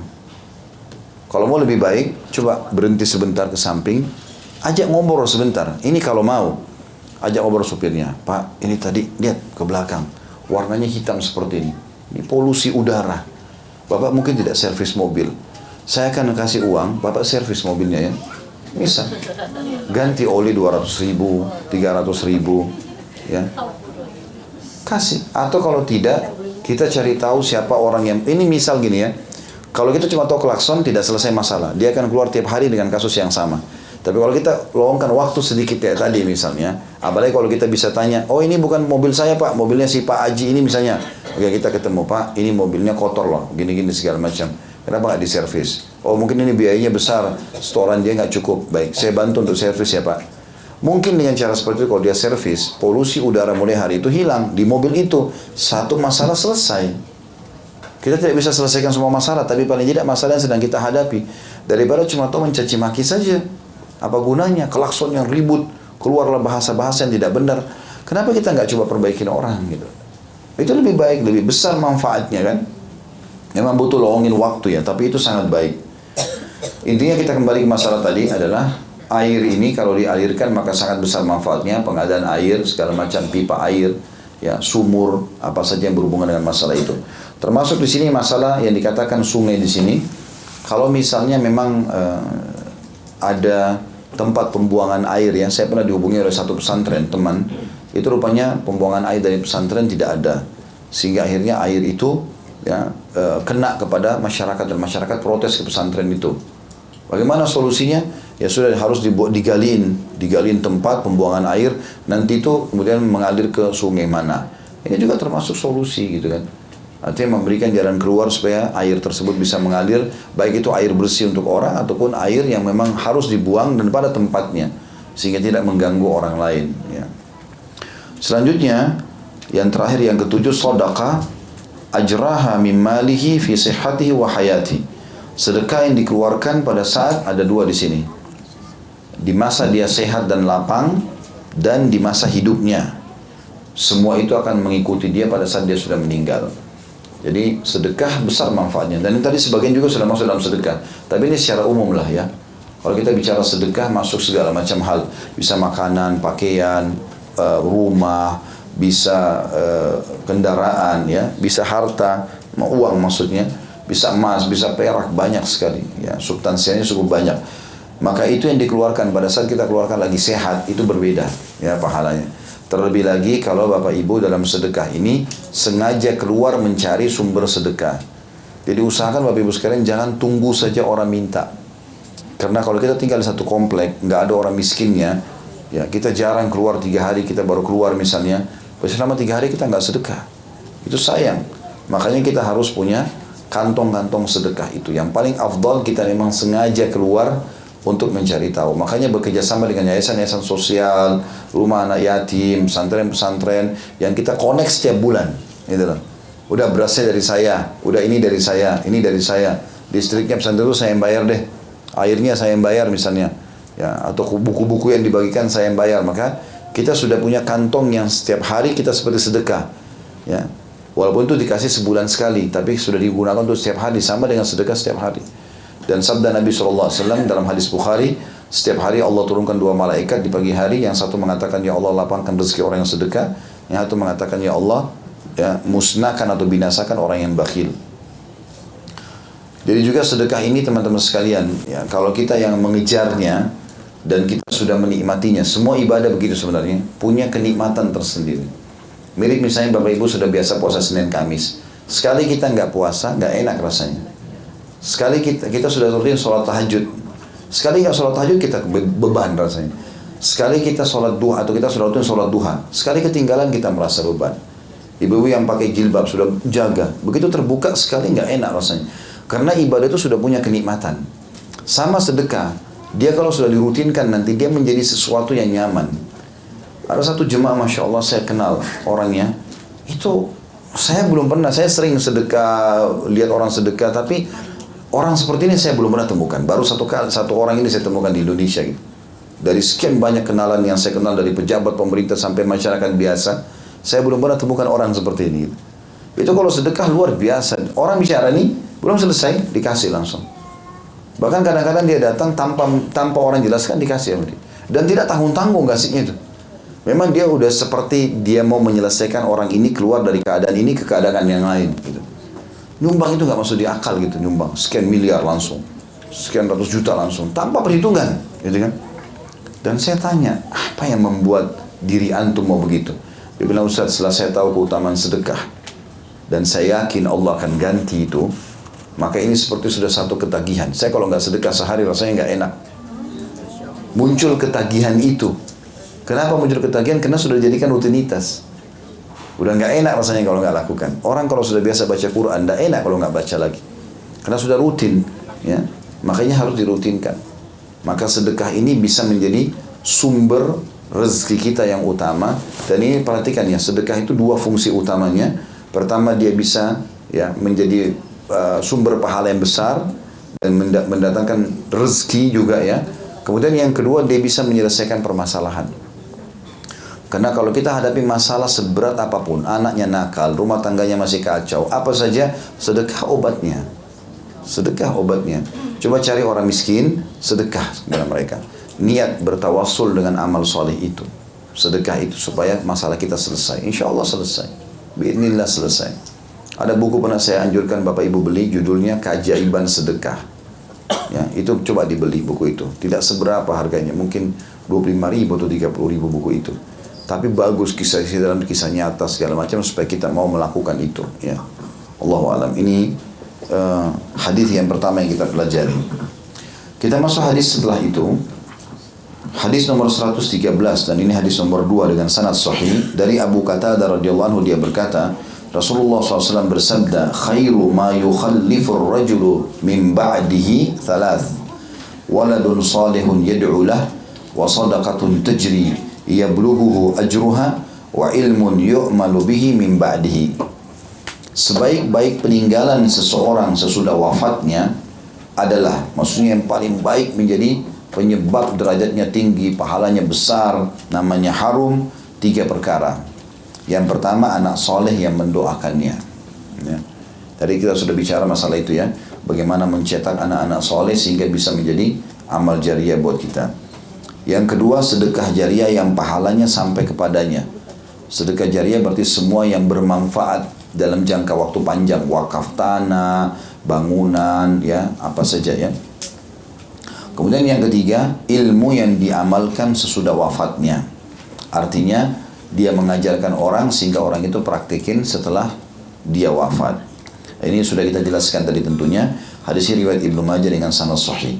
Juga telah disebutkan dalam bab 1 nomor 12 dari hadis Abu Hurairah lanjutannya ya. Idza mata ibnu Adam inqata amalu illa min thalath sadaqatin jariyah atau ilmin yuntafa'u bihi aw waladin salihin yad'u lah. Jika anak cucu Adam meninggal dunia atau mati maka terputuslah amalnya kecuali dari tiga hal. Kata ulama tentu masih ada amal-amal lain ya. Tetapi tiga sumber ini selama hidupnya dia bisa lakukan sebenarnya. Dan ini bisa di, jadi amal jariah buat dia pada saat meninggal, yaitu sedekah jariah, ya sedekah yang terus bermanfaat. Tadi saya bilang wakaf bangunan, tanah dan segala macam, atau ilmu yang dapat dimanfaatkan, atau anak soleh yang mendoakannya. Hadis ini diriwayatkan oleh Imam Muslim. Baik hadis ini sudah kita jelaskan tadi ya, karena masuk dalam penjelasan yang sebelumnya. Kita langsung pindah ke hadis nomor 114. Tepatnya hadis nomor 3. Dan ditulis itu sahih di atau hadis ini sahih karena dikuatkan dengan riwayat lain. Diriwayatkan dari Abu Umamah radhiyallahu anhu, dia berkata, aku mendengar Rasulullah wasallam bersabda, "Arba'un tajri alaihim ujuruhum ba'dal maut, rajulun mata murabitan fi sabilillah, wa rajulun 'allama 'ilman, fa'ajruhu yajri alaihi ma umila bih, wa rajulun ajra sadaqatan fa'ajruha lahu ma jarat."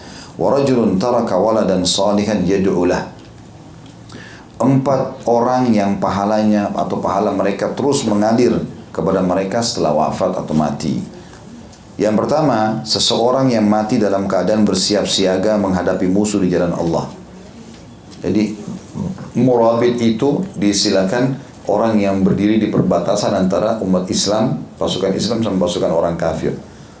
Ini juga ada hadis lain yang berbunyi ribatu yauman fi sabilillah khairu minad dunya wa ma fiha. Ribat atau berjaga-jaga di perbatasan antara Islam sama kafir yang bisa orang Islam siap saat diserang, maka dia berjaga-jaga kalau kapan diserang dia membelahnya. Itu satu hari saja lebih baik daripada dunia dan seluruh isinya. Ini contoh misalnya teman-teman kita di Palestina ya sekarang. Mereka itu umumnya semua murabit. Kenapa murabit? Karena bisa setiap saat diganggu oleh penjajah Dulu Indonesia juga waktu dijajah oleh Belanda begitu. Kita dihitung seperti kalau dia niatkan ribat, artinya setiap saat dia bisa melawan musuh ya dan membela umat Islam, maka masuk dalam ribat.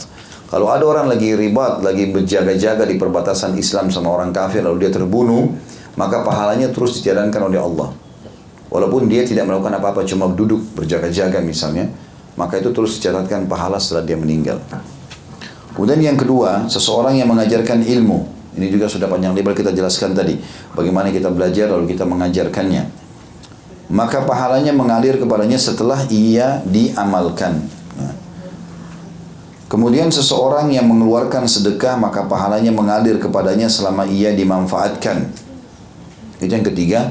Dan yang keempat seseorang yang meninggalkan anak soleh yang mendoakannya. Hadis ini diriwayatkan oleh Imam Ahmad, Al-Bazzar, At-Tabarani dalam Mu'jam Al-Kabir dan juga Mu'jam Al-Awsat dan sahih hadis ini diambil dari beberapa atau diriwayatkan dari beberapa orang sahabat Nabi. Baik itu hadis-hadis yang berhubungan di awal bab kita. Lalu dikatakan ada pasal lagi di sini ya. Kita selesaikan pasal ini insya Allah biar kita selesaikan bab nomor 7 ini ya. Hadisnya adalah nomor 115, tepatnya hadis nomor 4 dalam bab kita hadis sahih dari Abu Mas'ud Al-Badri radhiyallahu anhu أن رجلا أتى النبي صلى الله عليه وسلم يستحمله فقال إنه قد أبدع بي فقال رسول الله صلى الله عليه وسلم ائت فلانا فأتاه فحمله فقال رسول الله صلى الله عليه وسلم من دل على خير فله مثل أجر فاعله أو قال عامله bahwasanya seorang laki-laki telah datang kepada Nabi Shallallahu Alaihi Wasallam agar membawanya di atas tunggangan. Dia berkata, tungganganku sakit. Rasulullah SAW bersabda atau menjawab, datanglah kepada si fulan. Lalu dia mendatanginya dan si fulan itu membawanya bersamanya. Maka Rasulullah SAW bersabda, barang siapa menunjukkan kepada kebaikan, maka dia memperoleh seperti pahala yang mengerjakannya. Atau dia berkata orang yang melakukannya. Hadis ini diriwayatkan Imam Muslim, Abu Dawud dan juga Tirmidzi. Ya, jadi hadis ini memberikan pelajaran kepada kita termasuk yang bisa menjadi pahala besar adalah seseorang menunjukkan pada kebaikan. Kalau tadi kan kebanyakan masalah ilmu dan anak soleh, ini kebaikan secara umum. Ada orang datang, dia mau e, membantu seseorang. Jadi kalau kita sekarang numpang di mobil, numpang di motor gitu ya. Kalau zaman dulu orang naik di tunggangan, di untanya. Kebetulan orang yang diminta tolong ini untanya lagi sakit. Maka dia bilang, ya Rasulullah, orang ini minta tolong, tapi unta saya sakit. Gitu. Maka Nabi SAW bilang, coba bawa dia supaya ditolong oleh si fulan. Maka dibawalah oleh orang ini kepada temannya yang satu lagi yang punya unta yang sehat. Lalu kemudian dibantulah orang yang tadi butuh bantuan tunggangan untuk keluar kota atau pergi ke satu tempat oleh orang yang tadi. Lalu Nabi SAW bilang, ingat, Siapa yang menunjukkan pada kebaikan? Ini tadi orang yang tidak bisa pinjamkan kalau kita mobilnya sekarang ya, untanya lagi sakit, lalu tetap dia bantu, dia tidak lepaskan begitu saja, dia bantu ke orang lain, lalu orang lain bisa membantunya, maka dia akan dapat pahala orang yang melakukan itu. Artinya orang yang tadi sempat membantu dengan untanya, itu dapat pahala, tapi orang yang menunjukkan juga dapat pahala. Dari sini kita ambil pelajaran teman-teman sekalian. Setiap kali ada kesempatan orang yang meminta bantuan, jangan langsung untuk spontanitas dikatakan tidak bisa. Siapa tahu ada kerabat atau teman kita yang bisa, gitu kan? Sebentar ya saya telepon dulu. Ya anak saya lagi sakit nih, butuh rumah sakit, biayanya besar, gitu kan? Kita tidak bisa bantu semuanya. Baik tunggu sebentar ya, mungkin kita bisa share di grup, ya mungkin orang pada ngumpul atau kita sampaikan kepada siapa di antara kerabat yang kita kenal atau teman yang memang Allah bukakan rezeki sama dia dan suka bersedekah mungkin dia bisa bantu maka dengan dia bantu kita dapat pahala ya. ini masuk dalam semua kebaikan ya menunjukkan orang untuk menikah sama orang tertentu lalu dia menikah menunjukkan orang pada lembaga pendidikan pada yayasan pada masjid semuanya apa saja maka itu termasuk dapat pahala Termasuk kita kalau meminjamkan tunggangan di sini kendaraan ya. Saya subhanallah pernah waktu awal masuk ke Jakarta sempat mau berangkat umroh waktu itu dan waktu itu saya masih sempat ngurus sendiri ke kedutaan Saudi dan beberapa kegiatan termasuk beli tiket segala macam. Belum ada kendaraan waktu itu saya di Jakarta maka ipar saya kebetulan bilang ini ada motor pakai aja baik saya pakai motor itu lalu saya muter-muter lah selesai saya muter-muter ngurus visa ngurus tiket segala macam saya jadi berpikir waktu itu ya, ini saya jadikan bahan ceramah juga gitu. Saya berpikir ini ipar saya tahu nggak sih kalau sebenarnya dengan hanya meminjamkan motor berapa sih bensinnya? 2 liter, 3 liter dan berapa lama motor itu dipakai? Tapi dia akan dapat pahala umroh saya semuanya. Dan karena kan dia salah satu penyebab. Sekarang ada keluarganya bapak ibu mau umroh, ada hajat, ibu pinjamkan mobil, bapak pinjamkan mobil, lalu dia selesaikan hajat-hajatnya kita termasuk punya andil dalam kebaikan itu. Apa pun kebaikan yang kita menjadi penyebabnya, maka kita dapat pahalanya. Apa saja. Dalam riwayat ini kan dijelaskan masalah tunggangan, gitu kan? Artinya kita sekarang pinjamkan mobil, pinjamkan motor segala macam. Ini sekaligus kita tepis ini orang-orang yang masih bakhil-bakhil ini ya. Ada orang begitu kerabatnya datang dari kampung, orang tuanya pun. Oh nanti naik ini aja kendaraan umum karena saya mau pakai untuk kerja. Bakhil. Kenapa nggak kasih mereka? Apalagi orang tuanya. Kalau perlu kita yang pakai kendaraan umum, biarin keluarga kita yang pakai, cari pahala dari mereka gitu kan. Saya subhanallah nggak bisa lupa jasa salah satu teman sahabat dekat saya. Beliau sekarang di MUI. Uh, waktu saya masih tinggal di Makassar, sering bolak-balik ke Jakarta. Mungkin bahkan kerabat saya pun tidak melakukan itu ya. Jadi beliau punya mobil cuma satu subhanallah. Cuma satu dan itu dipakai untuk dia sama istrinya gitu. Saya kalau datang dipanggil, ayo Ya, mereka kami saling panggil Ustadz memang ya. Ustadz ayo nginap di rumah. Sudah Ustadz saya bilang nggak usah ngerepotin. Tapi beliau tetap ngotot kadang-kadang. Saya pernah gitu. Nginap di rumahnya. Apa adanya nginap. Sudah Alhamdulillah kita, kita ngobrol masalah agama segala macam. Pagi-pagi dia mau pergi ke MUI. Kemudian juga mau uh, beberapa aktivitas. Istrinya juga mau keluar gitu. Tapi dia bilang, sudah Ustaz, saya uh, anak akan diantar ke MUI, habis itu antum silakan pakai mobil, mau ke mana saja. Enggak, enggak, enggak usah. Saya, enggak, saya bilang enggak usah, anak enggak apa-apa kok bisa pakai kendaraan. Enggak, enggak, anak minta gini-gini, antum harus pakai. Jadi saya pakai mobil itu, jadi setelah antar dia, turunkan di istiqlal, saya kemudian jalan ke beberapa hajat saya, lalu saya kembali lagi. Saya pikir orang ini subhanallah dia perlu, istrinya perlu, gitu kan. Tapi dia mendahulukan orang itu luar biasa. Gitu. Dan itu jarang sekali orang bisa lakukan gitu. Jarang sekali. Kadang-kadang mendahulukan orang lain itu tidak berat, tapi itu namanya ithar dalam agama ya. Dalam surah Al-Hasyr ayat 9 Allah memuji itu. Ya, tentang bagaimana itharnya penduduk asli Madinah ansar kepada muhajirin. Allah mengatakan a'udzubillahi minasyaitonir wa yu'thiruna 'ala anfusihim walau kana bihim khasasa dan mereka memaksakan diri untuk membantu orang lain walaupun mereka memerlukan itu. Itu Allah puji. Sampai orang-orang Ansar itu waktu muhajirin datang dari Mekah, rumah-rumah mereka yang dekat dengan Masjid Nabawi. Tapi karena orang muhajir datang mau rumah itu dikasih sama dia pindah ke rumah yang lain. Itu memang butuh pengorbanan yang luar biasa gitu. Tapi itu juga pahalanya ekstra di sisi Allah Subhanahu. Paling tidak teman-teman, apalagi kalau orang tua, apalagi kalau saudara, kenapa nggak dikasih fasilitasnya? Toh juga satu dua hari dia akan pulang misalnya. Ya. Tapi banyak orang subhanallah bakhil, nggak mau. Ya. Ini penyakit bakhil paling menjengkelkan ya. ya. Karena memang Nabi SAW menganggap itu penyakit jiwa. Ya. ya. Karena ada satu orang suku, kepala suku, ada satu orang, orang, orang uh, beberapa orang Arab sahabat itu, Nabi tanya siapa kepala suku kalian? Disebut namanya si Fulan. Kata Nabi SAW bagaimana dia? Kata orang-orang sukunya apa? Badannya kekar, wajahnya tampan, penampilannya bagus bawah, tapi bakhil. Kata Nabi SAW dan penyakit apa lebih berat daripada bakhil? Gitu kan? Kalau orang sudah bakhil, subhanallah. Orang kalau bakhil sama orang lain, nanti pindah bakhil kepada dirinya sendiri. Udah pelitnya luar biasa. Dirinya sendiri pun begitu. Ya, dia akan bakhil. Hadis selanjutnya 116, hadis nomor 5 kita di sini. Dari Abu Mas'ud radhiyallahu dia berkata, "Ata rajulun ata rajulun Nabiy sallallahu alaihi wasallam fasa'ala faqala ma indi ma utika walakin walakin i'ti fulana fa'ata rajul fa'ata faqala Rasulullah SAW man دل على khairin فله مثل ajri فاعله أو عامله. Seseorang laki-laki datang kepada Nabi SAW dan meminta sesuatu kepada beliau minta sumbangan ya. tapi Nabi SAW kebetulan lagi tidak punya apa-apa sama sekali. Beliau mengatakan aku tidak mempunyai sesuatu yang bisa aku berikan kepadamu. Akan tetapi cobalah datang kepada fulan. Nabi tunjukkan kepada seorang yang mampu. Lalu laki-laki itu mendatangi si fulan dan dia memberinya. Maka Rasulullah SAW bersabda Barang sampai menunjukkan kepada satu kebaikan maka dia mendapatkan pahala seperti pahala pelakunya atau orang yang mengerjakannya. Nah, jadi kita kalau tidak bisa bantu orang, tunjukkan kepada orang lain. Atau kita sudah bantu tapi masih kurang, coba si fulan ya. Atau kita telepon lah kalau zaman sekarang kan lebih mudah ya. Telepon ini ada orang datang dia butuh bantuan, kamu ikut bantu nggak? Gitu. Kalau mau udah transfer aja ke sini misalnya, udah langsung kita bantu. Maka itu semua hal yang masuk dalam hadis ini. Termasuk menunjukkan alamat ya, kalau orang tanya alamat, alamat rumah, alamat pesantren, alamat masjid, tunjukkan. Selama dia tahu dan dia selalu pergi ke sana, kita akan dapat pahala. Ya. Dalam komplek begini misalnya orang tanya, mana rumah alamat ini mana kita tunjukin? Oh di sebelah sana. Ternyata itu kerabatnya, dia silaturahim. Selama dia silaturahim kita panen pahalanya terus. Ya, ini maksud dalam mana hadis ini.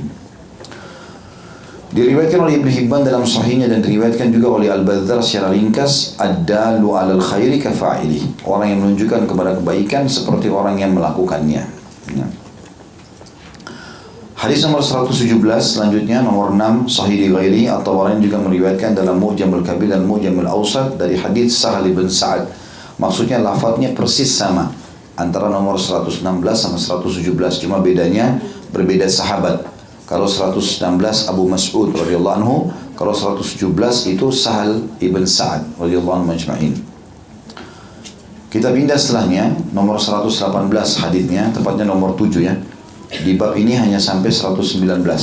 Tinggal dua hadis lagi insyaallah. Hadis nomor 7 dengan sanad sahih dari Abu Hurairah radhiyallahu anhu bahwa Rasulullah SAW bersabda, "Man da'a ila huda kana lahu mithal minal kana lahu minal ajri mithlu wujuri man tabi'ah."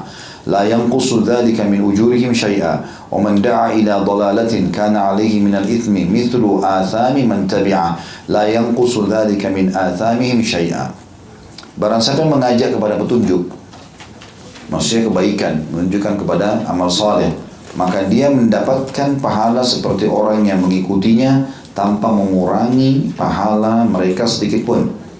Dan barang siapa yang mengajak kepada kesesatan, maka dia memikul dosa seperti dosa-dosa orang yang mengikutinya tanpa mengurangi dosa mereka sedikit pun. Hadis ini sahih riwayat Imam Muslim. Karena di sini juga sejenisnya telah disebutkan dalam bab anjuran menunaikan kebaikan. Hadis ini teman-teman memberikan poin penting buat kita di sini pelajaran tambahan dari hadis-hadis yang sebelumnya yaitu siapa yang menunjukkan kepada kebaikan ya menjadi penyebab orang jadi faham tentang sesuatu kebaikan baik itu sholat, baik itu puasa, mungkin ibu-ibu dan bapak sekalian anak-anaknya di rumah, pembantunya ya, ini saya singgung masalah pembantu karena banyak orang tidak peduli. Ya, pembantu kerja sekian tahun di rumahnya, sholatnya pun tidak diperhatikan, kena nggak pernah dikasih, sejadah nggak pernah disiapkan, Quran nggak pernah dikasih, kasihlah, gitu kan. Kemudian kalau perlu putarkan radio yang Islam, dia dengar sambil masak, sambil bersihkan, maka jadi pahala. Ya, ada orang subhanallah sekian tahun tidak ada perubahan sedikit pun. Maka ini disayangkan sekali kesempatan dia melakukan perbuatan-perbuatan baik pada mereka. Maksud dalam masalah ini adalah siapa pun yang mengajak kebaikan. Kayak tadi mau pergi pengajian sini. Kalau misalnya mau pergi pengajian kita dapat pahala. Tapi kalau kita ajak orang lain maka kita dapat pahala, dia dapat pahala dan kita akan diberikan ekstra pahala seperti pahala dia tanpa dipotong dari pahala dia. Nah, siapa pun menunjukkan pada kebaikan seperti itu. Ini maksud dalam makna hadis di sini ya. Sebaliknya siapa yang menunjukkan pada maksiat maka dia akan mendapat dosa orang yang melakukannya. Ini seperti contohnya orang banyak mentraktir orang berzina, masuk diskotik, ya, tempat-tempat dosa. Kan ada orang biasa begitu traktir-traktir teman jadi malam minggu, ya, jalan sama-sama. Nah ini sama, dia dapat dosa, temannya dapat dosa, tapi dia dikasih seperti dosa temannya. Ya. Misal dia masuk ke satu tempat di karaoke, di diskotik, dia cuma lakukan, dia cuma minum teh atau dia cuma minum minuman biasa saja, Kemudian tapi diajak teman-teman. Lalu teman-temannya ini minum khamar, berzina, ya segala macam janjian sama orang dari situ, maka dia dapat dosanya semuanya karena dia mengajak itu. Ya. Lalu bagaimana solusinya Ustaz? Kalau dulu saya pernah ngajak teman-teman saya pada kemaksiatan, sekarang saya sudah taubat. Nah, Bapak Ibu harus cari tahu siapa mereka, telepon. Saya dulu pernah ajak kamu, ingat dulu, itu salah loh. Saya sekarang sudah tahu ya, saya berlepas diri supaya kita lepas dari dosanya dia kalau dia masih melakukan itu. Karena ada orang subhanallah jadi pahlawan tapi bukan pada tempatnya. Ngajar orang berzina. Diajak teman-temannya sama-sama pergi ke puncak, pergi ke Bandung, pergi ke mana. Kemudian temannya ini belum pernah zina sebelumnya. Lalu diajarin sama dia, kau usah takut, begini, begitu, begini. Diajarinlah kemaksiatan itu. Maka selama temannya buat zina, dia panen dosanya. Kan bahaya sekali. Karena dia mengajarkan, mungkin temannya tadi takut, tidak berani. Tapi jadi berani gara-gara dia. Ini khamr, oh nggak apa-apa, coba aja. Saya juga dulu gitu kok, pusing sedikit. Ya, Tapi sekarang nggak apa-apa. Nah orang jadi buat, hanya dapat dosa lah dia. Dan sekian banyak contoh-contoh dalam masalah ini. Pokoknya semua keburukan jangan jadi penyebabnya. Udah. Dan kalau kita pernah ajak orang, maka berhenti. Sebagian ulama mengatakan untuk menyempurnakan taubat kalau orang pernah mengajak orang keburukan atau pernah mengajarkan selain memberitahukan kepada mereka itu dulu saya ajarin salah loh ya saya sekarang berlepas diri Ya, itu itu nggak boleh sebenarnya. Dan kita insya Allah minta petunjuk sama Allah, Allah ingatkan siapa orang-orang itu. Juga selain daripada itu, kalau kita pernah sedekah, maksudnya kita bukan kalau dalam maksiatnya tidak makan sedekah ya. Kalau orang pernah traktir teman-temannya pada perzinahan, pada perbuatan-perbuatan haram ini, maka untuk menyempurnakan tobatnya dia bersedekah sekarang kira-kira senilai itu dulu. Misal dia biasa traktir temannya di malam minggu tiga orang. Tiap keluar pasti dia yang belikan khamernya, ya, atau dia yang mengajak berzina atau dia yang bayarkan kamar hotelnya, misal dia keluarkan 2 juta misalnya per pekan. Ya udah, dia sekarang sedekah dengan niat menebus itu. Itu yang dicontohkan oleh Ikrimah bin Abi Jahal radhiyallahu anhu. Ayahnya Abu Jahal, Fir'aunnya umat ini. Ikrimah anaknya dan Ikrimah ini selalu ayahnya ke mana-mana ikut dia. Selalu jadi Abu Jahal ini perangi Islam dengan lisannya dia ikut juga, dengan harta dia juga ikut, perang dengan dengan tangannya dengan fisiknya dia juga ikut. Maka setelah masuk Islam, setelah pembebasan kota Mekah, Ikrimah nangis, dia baru sadar. Dia kalau baca Quran dia nangis, dia bilang ini kitabnya Allah, kitabnya Tuhanku yang aku lalaikan selama ini. Lalu dia bilang sama Nabi SAW, ya Rasulullah, mulai sekarang saya akan bersedekah sejumlah harta yang dulu pernah saya sedekahkan untuk memerangi anda dan Islam. Untuk menebus itu dulu, saya akan sedekah dalam Islam senilai itu. Ya semampunya, dia berusaha untuk keluarkan, untuk membersihkan kesalahan dia. Karena kalau tidak, ini kan ada ancamannya. Siapa yang menunjukkan pada keburukan, lalu eh, orang-orang ikuti maka dia akan panen dosanya. Ya, teman-teman juga yang menjadi artis misalnya, kemudian dia taubat, contoh dia pernah buat cuplikan-cuplikan yang senonoh lah, tidak baik gitu. Maka dia harus sampaikan, itu medsos dia sampaikan. Kalau saya sudah tobat ya, minta supaya ditarik semua. Jadi mulai sekarang saya berlepas diri kalau ada cuplikan yang dulu-dulu, udah dia lepas. Walaupun ada orang nonton, lagi misalnya tersebar, udah dia sudah berlepas diri. Dia harus sampaikan. Karena kalau tidak jadi dosa bagi dia. Orang jadi syahwat gara-gara dia orang jadi ini gara-gara dia gitu kan? Itu resikonya. Kalau nggak mau menjadi dosa jariah bagi dia harusnya dia sadar dia sampaikan masalah itu yang terakhir di sini kita pelajari hadis nomor 119 dan nomor 8 di dalam uh, bab kita ini sahih tapi mauquf ya maksudnya mauquf hanya sampai kepada sahabat saja dari Ali radhiyallahu anhu dia berkata Allah SWT berfirman A'udzu billahi minasyaitonir dalam surah Tahrim ayat 6, "Qu anfusakum wa ahlikum nara." Peliharalah dirimu dan keluargamu dari api neraka. Kata beliau, "Allimu ahlikum al-khair." Ajarilah keluargamu kebaikan. Diriwayatkan oleh Al-Hakim secara mauquf dan dia berkata sahih berdasarkan syarat keduanya. Arti di sini Ali bin Abi Thalib mengajarkan kepada kita tentang tafsir At-Tahrim ayat 6. Itu karena Allah suruh menyelamatkan diri kita dan keluarga dari api neraka. Bagaimana caranya? Beliau mengatakan maknanya adalah Allah seperti mengatakan ajarkan keluarga kalian, istri, suami, anak, orang tua, semua ini kita ajarkan kebaikan dan kebaikan hanya yang dianggap baik dalam syariat. Ya. Dan keburukan semua yang dianggap buruk dalam syariat. Maka ini juga sama dengan bab kita yaitu bagaimana caranya seseorang untuk menyebarluaskan kebaikan-kebaikan dan menutup semua pintu-pintu keburukan. Allahu a'lam. Ini bahasan kita insya Allah dan pertemuan akan datang kita akan lanjutkan lagi bab ke-8 masalah ancaman menyembunyikan ilmu. Subhanakallahumma bihamdika asyhadu an la ilaha illa anta astaghfiruka wa atubu ilaik. Wassalamualaikum warahmatullahi wabarakatuh.